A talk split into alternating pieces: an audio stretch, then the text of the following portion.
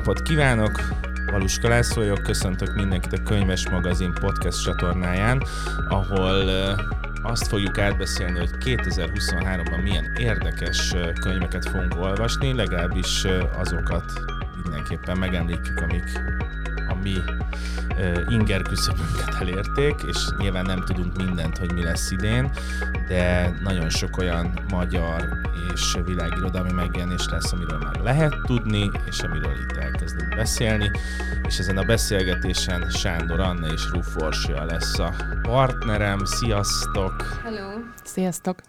Szóval azt találtuk ki, hogy itt vagyunk az év elején, az elmúlt hetekben megpróbáltuk összegyűjteni a kiadók segítségével, hogy milyen megjelenések lesznek. Az fontos, hogy van olyan könyv, amiről tudunk, de még nem kommunikálják, mert ilyen-olyan dolgok vannak, illetve vannak olyan könyvek, amiknek már tudjuk, hogy lesz, vagy vannak olyan szerzők, akikről tudjuk, hogy lesz friss megjelenésük, de egyébként a könyvükről még nem sokat tudni, és uh, szerintem mindig nagyon izgalmas, amikor így az év elején összeülünk, és elkezdjük összerakni, hogy vajon ez az év miről fog szólni. Ugye mi se tudunk sokkal többet, mint uh, ti hallgatók, de, de azt a keveset, azt most megpróbáljuk átadni, és azt találtuk ki, hogy különböző kategóriák alapján uh, válogatunk könyveket azok közül, amiket amikről tudunk, úgyhogy én ezt elindítanám akkor, hogy mi lesz az a könyv idén számotokra, az eddigi tudásunk szerint,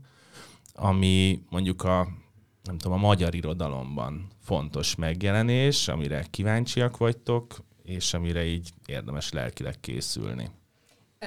Amikor erre a beszélgetésre készültünk, ugye azt még előjáróban szeretném elmondani, hogy annával napok óta azt szervezzük, csináljuk, hogy bekértük, a, bekértük nagyon sok kiadótól a terveiket. És ez valóban így van, ahogy te is elmondtad, hogy van, ahol egy teljes lista van, van, ahol címek, nevek forognak, tehát sokkal, de sokkal több könyv fog megjelenni, mint amennyit akár a mi honlapunkon megjelent összeállításokban olvashatok, és hát mert nagyon-nagyon nehéz választani, én most itt a mai beszélgetésre úgy készültem, hogy összesen három három szerzőt, három címet választottam ki, úgyhogy hogyha a magyar irodalomból kell választanom, akkor az idei tervezett megjelenések közül én a Tompa Andrea új regényét várom eléggé. Neki 2000 2020-ban? 2020-ban három éve jelent meg, és ugye akkor még javában Covid volt. Tehát nem sokkal ugye a felvétel előtt beszélgetünk róla, hogy ez még egy online bemutató volt akkor, ami, ami ö, ugye ezért nagyon-nagyon más, mint amikor élőben kínul a szerző és közönség előtt beszél a könyvéről, és ö, ugye ez volt a Haza című regénye, ugye akkor interjúztunk, és vele meg elég sokat ö, foglalkoztunk azzal a könyvvel. A, az új regényről jóformán semmit se tudni. Tehát ö, talán, de ezt lehet, hogy te jobban tudod, valamikor koranyár, késő tavasz, talán valamikor ilyenkor fog megjelenni.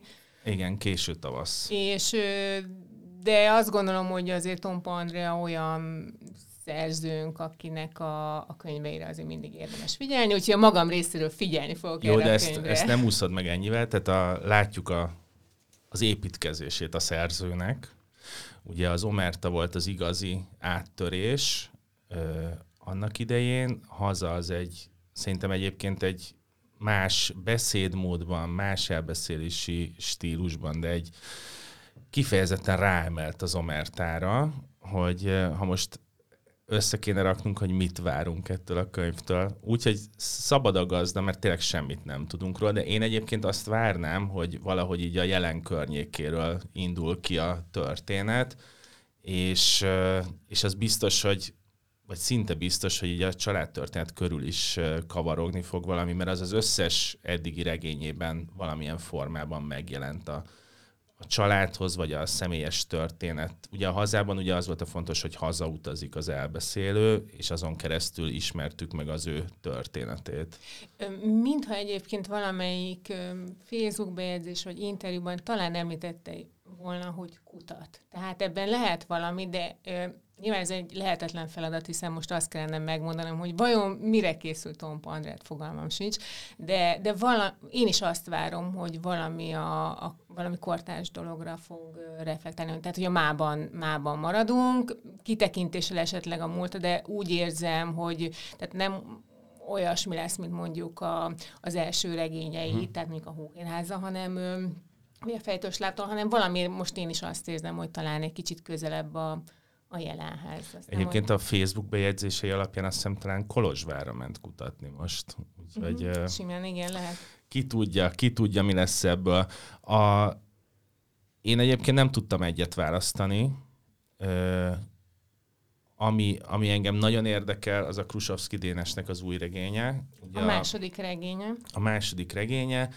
Ö, ott is már 2019-ben jelent meg az Akik már nem leszünk sose ami akkor egy ilyen óriási sztori volt, tehát abban az értelemben, hogy nem csak, hogy nálunk végzett jó helyen annak idején a listán, hanem, hanem abból a szempontból is, hogy megtalálta a közönségét ez a bizonyos szempontból generációs regény, és, és nagyon kíváncsi vagyok, hogy egy ilyen első, tehát egy, egy első regény után egy másodikat megint ez biztos nem egyszerű, és, és kíváncsi vagyok, hogy hogyan, hogyan dolgozik tovább Krusovski. Azt tudjuk egyébként, hogy idegen fények lesz valószínűleg a regénynek a címe. Ugye ez az első megszólalása az nagyon erős volt abból a szempontból, hogy különböző idősíkok vannak, tök izgalmas, hogy megjelenik az a Csernobili szál, meg az audiokazettának a szála Úgyhogy eh, én most is egy ilyen összetett regényt várok egyébként, ami sok térben, meg sok idősíkon játszódik, aztán majd kiderül, hogy, hogy mi lesz. És uh, Bocsi, érdekes lesz majd megfigyelni, hogy az előzetes várakozásainak megfelelően ezek a könyvek miután megjelentek, mennyire vág egybe az, Igen. amit most gondolom. Egyébként ezt lehetne úgy kezelni, mint hogyha így leadnánk egy megrendelést Igen. még így az év elején, hogy mi mit szeretnénk olvasni, és akkor nem lehet gond.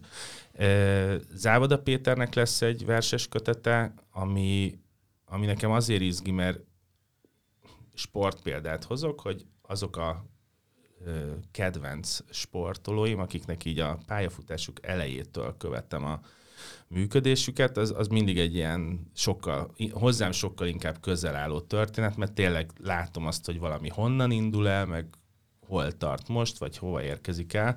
És az Ávoda Péter az egy kicsit ilyen nekem, tehát hogy így én még voltam annak idején kezdett fiai koncerten, és, és az az út, amit ő költőként vagy drámaíróként végigjár, ez nekem iszonyatosan izgalmas, és az látszik kötetről kötetre, hogy van egy nagyon komoly belső munka azon, hogy ezek a versek hogyan szólaljanak meg. Különböző folyiratokban már szerintem lehetett találkozni olyan szövegekkel, amik ebbe az új kötetbe kerülnek, és, és miközben ott lesz a hasonlóság, én azt érzem, hogy egyébként most egy ilyen bátor ellépés lesz az eddigiektől, hát aztán majd meglátjuk.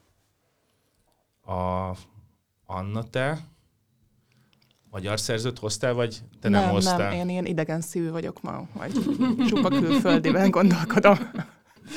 Az egyébként helyes. Ö, akkor még mondok egy magyart, Mondj. mert ö, ami szerintem sok szempontból nagyon izgalmas megjelenés lesz. Ugye vannak szerzők, akik, akiknek a, az élet történetét is így nagyon távolról követjük nyomon, és, és nagyon érdekel mindig az, hogy ezeknek mi lesz az irodalmi feldolgozása, és, és ilyen Jónás Tamás, aki 2016 óta talán azóta nem publikált kötetet, nagyon erősen indult a pályáján költőként, megnyerte az Egon díjat is annak idején, és most hosszú évek után egyébként egy regényel fog jelentkezni, és aminek a kívülálló a címe, és egy nagyon rövid részletet olvastam el belőle, amit a kiadótól kaptunk. És mi volt a benyomásod? Hát, hogy ez egy, nyilván egy részlet alapján mondjuk kritikát lehet írni, de véleményt nem lehet formálni. Úgyhogy hát nagyon izgalmas. Tehát nagyon izgalmas, hogy hogyan szólal meg az a részlet, én nagyon kíváncsi vagyok, hogy, hogy mi, mi lesz ez. Tehát így valahogy az jutott eszembe róla, hogy itt, itt sok, tehát van egy ilyen nagyon erős személyes tétje ennek a szövegnek, tehát nem az lesz, hogy itt egy nagyon bonyolult történet lesz elmesélve, hanem egy, egy belső út vagy utazásnak a története, amiben nagyon sok kemény dologgal fogunk találkozni szerintem olvasóként, de mondom még egyszer, tényleg csak egy részletet olvastam el belőle. Az, abban az anyagban, amit küldtek fülszövegként, abban az örvénylés szó szerepelt, és, és egyébként ezt így visszaigazolta a részlet, tehát hogy ebbe a belső útba ez az örvény, ez így abszolút beleillik, meg ez a zavarodottság, meg kitettség, hogy hogy lehet azt túlélni. Úgyhogy az biztos, hogy ez egy nagy dobás lesz. Ráadásul egy olyan szerzőnél, aki tényleg nem évente jön elő kötettel, talán minden egyes könyvnek, mintha nagyobb súlya lenne, akár az ő pályáján is, vagy az ő életében is. Tehát kicsit ez is benne van ebben a történetben. Abszolút, és hát ebben ugye az is fontos, hogy a költészettől hogyan lehet ellépni a próza irányába, miközben valószínűleg az átlagolvasó az nem ezzel kell, és fekszik, hogy a Jónás Tamásnak mikor jelenik meg az új kötete, de egyébként pár év, amikor Per Krisztián visszatért, az is egy hasonló dolog volt. Tehát, hogy van egy nagyon tehetséges alkotó, aki egyébként évekig nem publikál, és, és így kicsit el is felejtjük, és akkor van egy ilyen nagy visszatérés, és itt nem is a felelősséget, vagy ennek a terhét kell ráhelyezni, hanem egyszerűen azt, hogy legyünk kíváncsiak arra, hogy mi lesz a visszatérés tárgya. Ha már Anna elárultad az előbb, hogy te nem hoztál magyar szerzőt, aki érdekelne, ez egy jó válogatást állítottunk össze. Sarokba veled. Hogy neked mi volt a válogatási szempontod? Um, nekem az az érzés volt most tök meghatározó, én raktam össze a világirodalmi ajánlónkat a, a várató megjelenésekből, és az a picit a kétségbeesésre emlékeztető izgalom, amikor végignéztem a saját listámat, ami aztán megjelent a, a könyves oldalán, hogy, hogy ebből túl sok olyan van, ami érdekel, és hogy mikor lesz nekem erre idő. Ami nyilván egy életben. költői kérdés, igen. Úgyhogy, úgyhogy én e, hagytam magamat végül ilyen teljesen önző módon hmm. ebbe belefeledkezni. Úgyhogy e,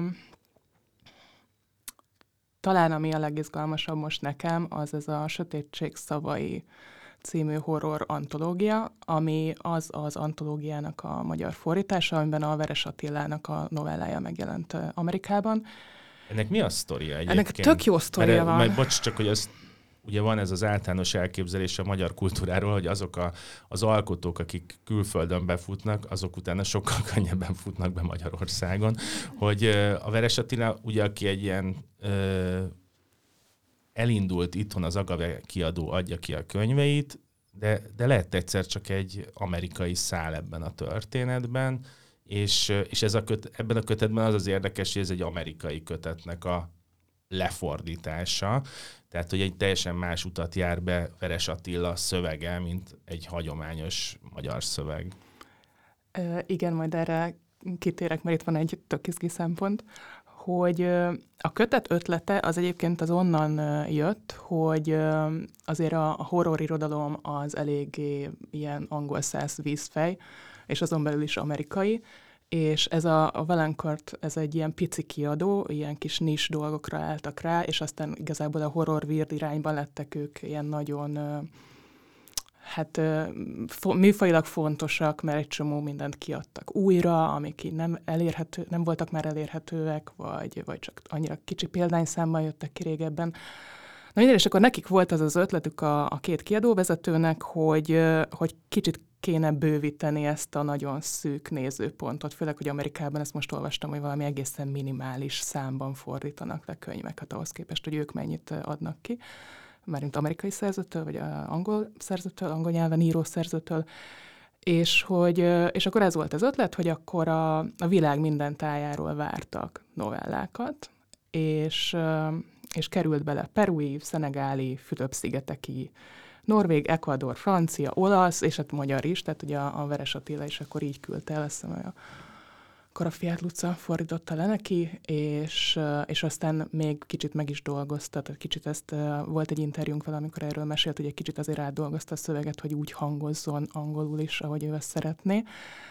És és akkor itt jön az a kis érdekesség, hogy tök kíváncsi vagyok, hogy a, vajon a, ez a Méltósággal viselt című novellája, ami azt hiszem az éjféliskolákban jelent meg, hogy ez vajon a, a magyar szöveg lesz, ami megjelenik most ebben a válogatásban, vagy az amerikait fordítják vissza?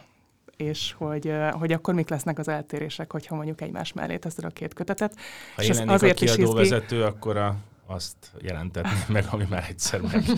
Nem, mert ugye ez azért is izgi, mert hogy hol nyúlt hozzá, tehát hogy ezek vajon ilyen statisztikai változtatások mm. voltak, vagy tartalmi is, ami azért érdekes, mert pont Orsival így beszéltünk, ugye most a, a, a Veres Attila most a, a, éppen a Bram Stoker díj, ami a legnagyobb horror díjnak a, a ilyen versenyben van ezért a díjért, meg most legutóbb azt raktuk ki, hogy eladták egy spanyol-mexikói kiadónak a, ennek a, a, az amerikai kötetét, mert hogy azóta megjelent ugye Amerikában a kötet, a Black Maybe, és ugye annak a jogait, tehát hogy azért ő egy egészen extra utat jár be, és ugye amikor jöttek a Black Maybe-nek a kritikái, akkor azt emelték ki, hogy mennyire más, hogy, hogy ilyen debütkötettel milyen régen találkoztak, hogy ez valami tök más, és hogy ezt mennyire tudjuk mondjuk Magyarországról megmondani, megérezni, hogy mi az, ami izgalmas mondjuk egy amerikai olvasónak, mm.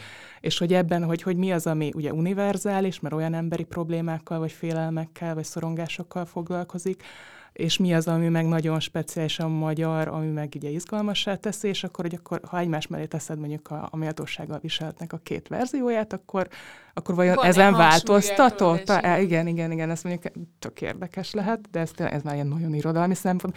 Engem egyszerűen csak érdekel az, hogy ki hogyan beszél a, nem tudom, a félelemről, mert uh, még gyerekként találkoztam ezzel a Népek meséi sorozattal, amit azt hiszem az Európa adott ki még, még a 70-es években, és ez egy csodálatos sorozat volt, úgyhogy gyerekként ilyen tájföldi meséket, meg kambodzsai, meg ilyeneket olvastam, és hát elképesztően nyitja így a világot, meg a gondolkodásodat, és annyira másfajta logikák, másfajta történetmesélési, nem tudom, szokások, ritmusok jönnek be, és nagyon kíváncsi vagyok, hogy ebben a novellában milyen ilyen, ilyen speciális ami nem feltétlenül annak a, az is persze izgalmas, hogy az a kultúra hogyan jelenik meg a történetben, de hogy, hogy, hogy hogyan építkezik például a horror, hogyha nem tudom, egy Fülöp-szigeteki ember írja.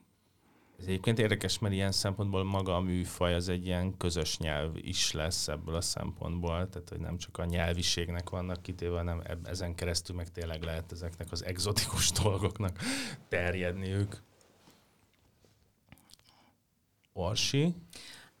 Világirodalomból én most egy verses kötetet hoztam, mégpedig Szerhi Zsedánnak a Harkiv Hotel című kötetét. Hát több, több szempontból választottam ezt a könyvet. Ugye egyrészt ez egy olyan kötet, amit a Bonák Diana válogatott és fordított magyarra, és hát ugye Szerhi Zsedáról tudni kell, eddig tudomásom szerint talán egy könyve jelent meg magyarul a Depes mód sok-sok-sok évvel ezelőtt.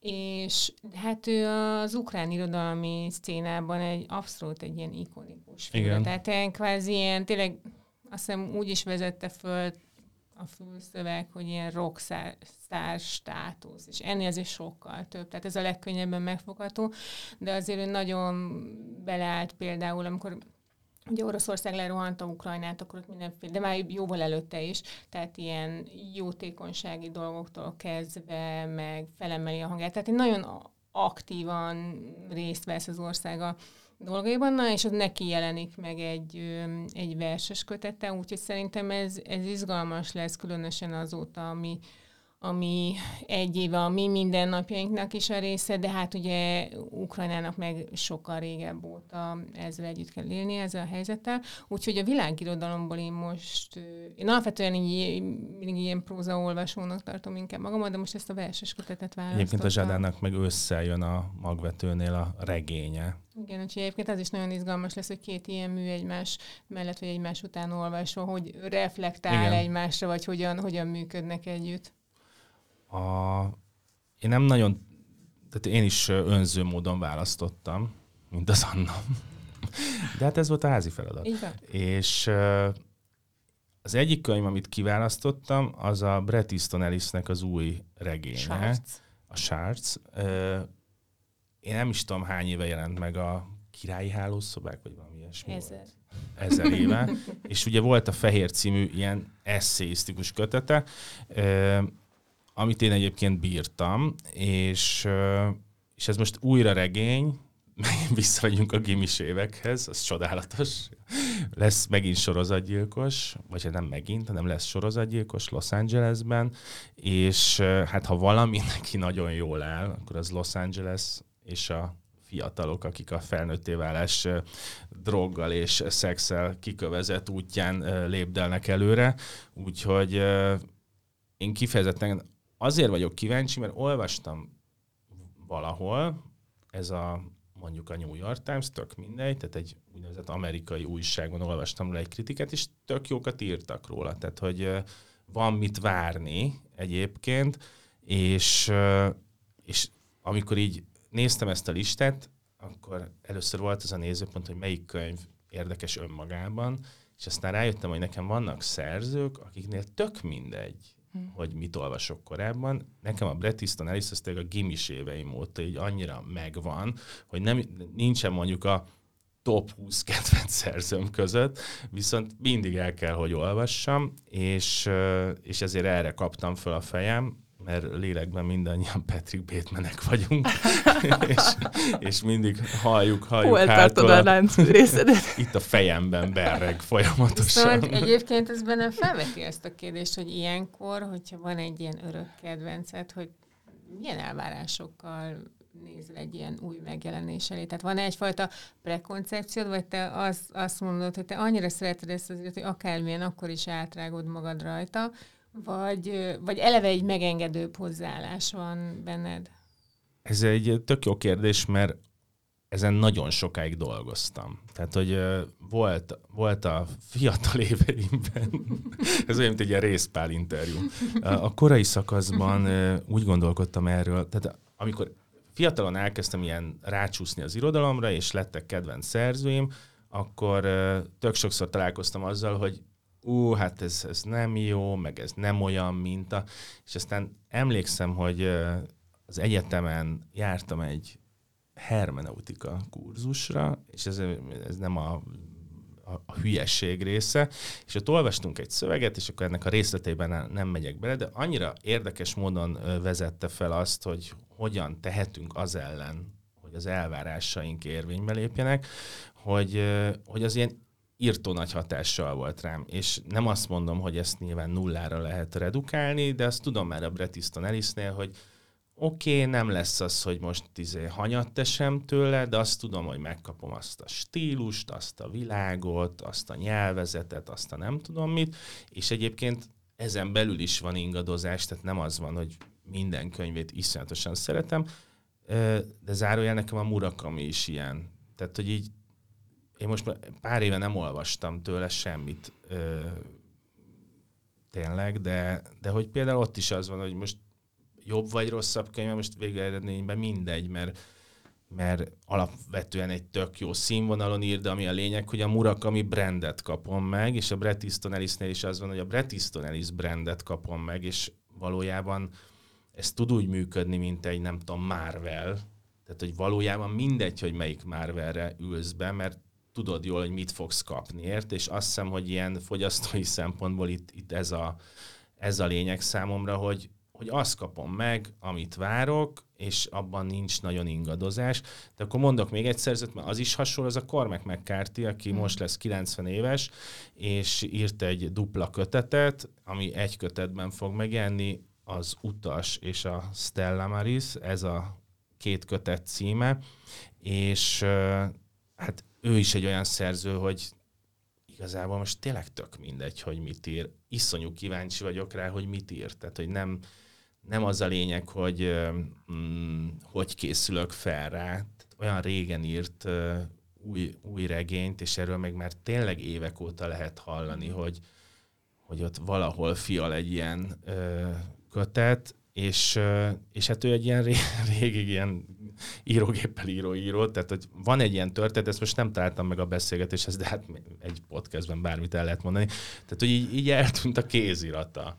És akkor az volt, hogy akkor újra kezdte a gépelést. és ez, ez szerintem fantasztikus. Tehát, hogy egy ilyen öreg nagy bölénynek az új regényét elolvasni, ez szerintem izé, szuper izgalmas, és valahogy a, a, a kulturális fogyasztásunk ugye van az, ami ilyen nagyon külső ingerek által vezérelt, hogy hirdetések, PR message, meg hasonlók, és vannak ezek, amik számomra a legfontosabbak, hogy tényleg így tudok várni fél évet egy Cormac mccarthy vagy egy három-négy évet a Bret Easton Ellisre, és, és ez az, ami így az olvasásban szerintem a legjobb, hogy, így, hogy ezek így megmaradnak. És lehet, hogy szembe kell nézni azzal, hogy most Bret Easton Ellis az most hol tart a pályafutásán, de a Velbek is ilyen egyébként. Egyébként, amikor beültünk erre a beszélgetésre, én nem sejtettem, hogy egy ilyen brand olvasói coming out leszek a fültanúja.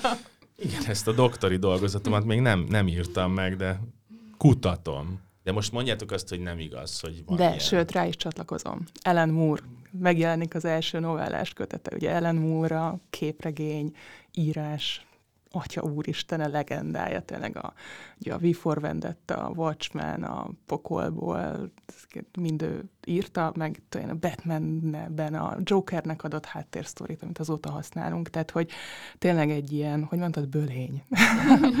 Aki ráadásul, jól emlékszem, hogy pár éve bejelentette, hogy visszavonul, és kész befejezte, aztán talán tavaly meg bejelentette, hogy ja, egyébként akkor ő most prózában, akkor elindítaná a karrierjét. És hát tényleg egy csodálatos figura, aki még nem látott róla a fotót, az nézze meg.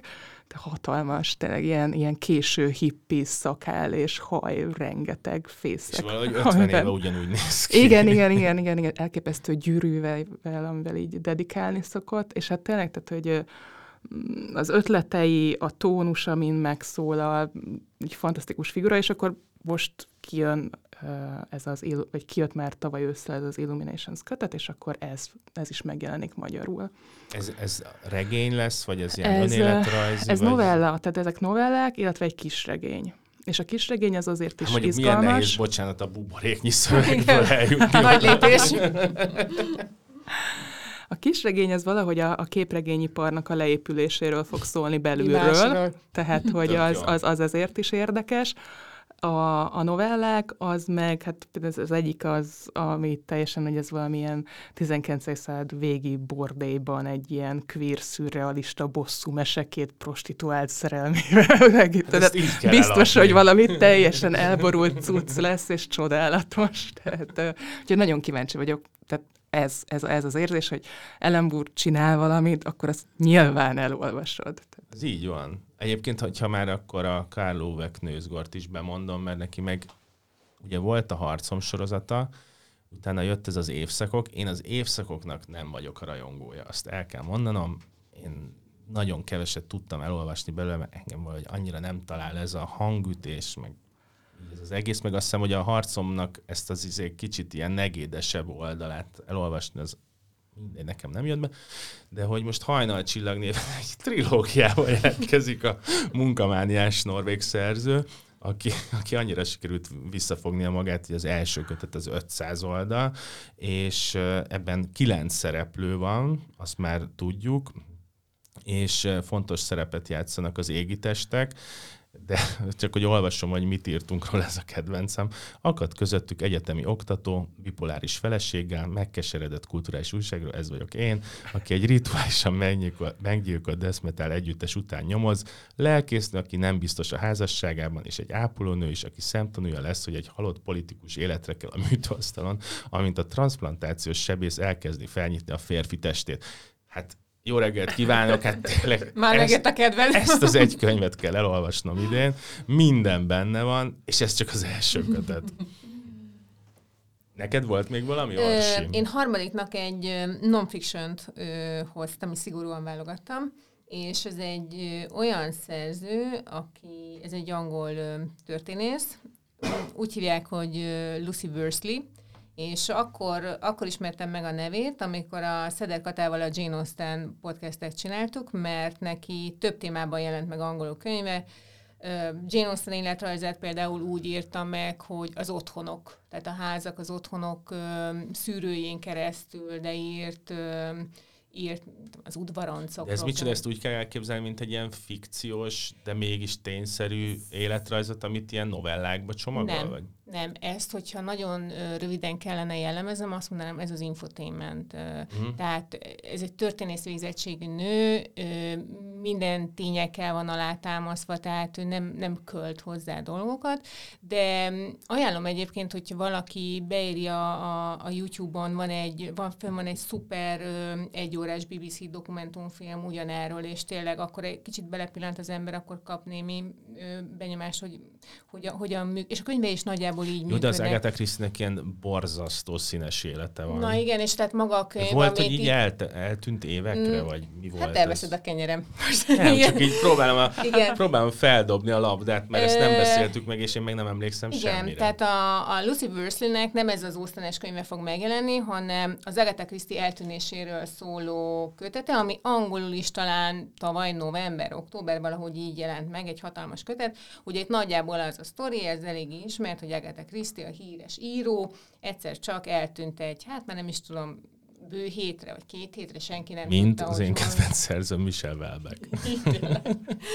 és, és aztán egy hotelszobában bukkantak rá, és ez most is nagy találgatásokra ad okot, hogy mi volt ennek a hátterében. Van, aki azt mondta, hogy egy ideg összeomlás, van, aki azt mondta, hogy hogy csak a saját ö, hírnevét akart kicsit a habzást így, ö, fokozni, és akkor ö, ez a könyv pedig azt ígéri, egy kicsit más fénytörésben fogja megmutatni ezeket a dolgokat, és én személy szerint nagyon-nagyon szeretem ezt, a, ezt az infotémenbe csomagolt ismeretterjesztés, aminek azért van egy, van egy szilárd alapja, de közben így ugye egy laikusként is nagyon befogadható, élvezetes, úgyhogy, úgyhogy ezen az ismeretterjesztő vonalon én ezt, ezt hoztam, úgyhogy ezt várom, úgyhogy remélem, hogy ez így, ez olyan lesz, a várakozásoknak megfelelően tényleg olyan is lesz. Hát reméljük. Anna, neked maradt még a listádon valami? Mm, még egy ilyen írt valamit, és lefordítják, tehát el kell olvasni. ez a, remélem, hogy jól mondom ki a nevét, ez a Narine Abgaryan aki, az az, ő az az örmény szerző, aki az égből hullott három alma, illetve az élni tovább. Ez az utóbbi, ez most a hét könyve is volt nem régen nálunk.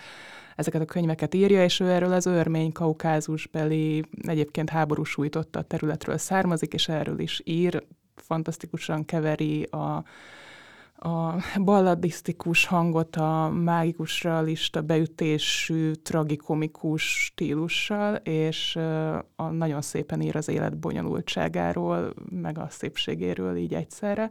És neki jelenik meg most a Simon című regmény, regénye, ami tök tetszik a felütés, meghal a kis településen a kőműves, és a felesége csak a négy volt szeretőjét hívja meg a temetésre. Úristen, de jó. Mert hogy Simon egy nagyon köztiszteletben lévő, ám de egy kicsit csapodár Ez alak volt. jó alapsztori. Igen, és akkor ez a, ezek a nők beszélgetnek és mesélnek ebben a, ebben a sztoriban, és akkor így ez a kaukázusi női élet, lét, ez, ez bontakozik ki majd a regényben, ennyit tudunk most jelenleg. De hát ismerve a írónőnek az eddigi munkásságát, biztos vagyok benne, hogy ez is nagyon jó lesz. Én ezt nagyon remélem, hogy ezt megveszi valami adaptációra egy stúdió, mert ez óriási ötlet. Ha nem marad semmi bennünk, akkor azt még egyszer elismétlem, hogy 2023-ban nem csak ezek a könyvek fognak megjelenni, sokkal, hanem, sokkal hanem a könyves magazin oldalán mind a világirodalmat, mind a magyar irodalmat elkezdtük összegyűjteni, elég sok könyvről árulkodunk már, de itt évközben még rengeteg minden fog megjelenni. Most csak egy rövid válogatást akartunk adni, mondjad Anna. És majd érkezik egy non-fiction ajánlónk is, meg egy zöld könyvekből meg egy életrajzi. is, és egy életrajzi. Ez volt a vállalás két perc a műsorban, ezt majd a jövő héten számon kérjük. És akkor köszönjük szépen a figyelmet, köszönöm nektek is, hogy itt voltatok, és az önzőségeitekről beszéltetek, és uh, olvassátok a könyves magazint, köszönjük szépen a figyelmet, sziasztok! Sziasztok!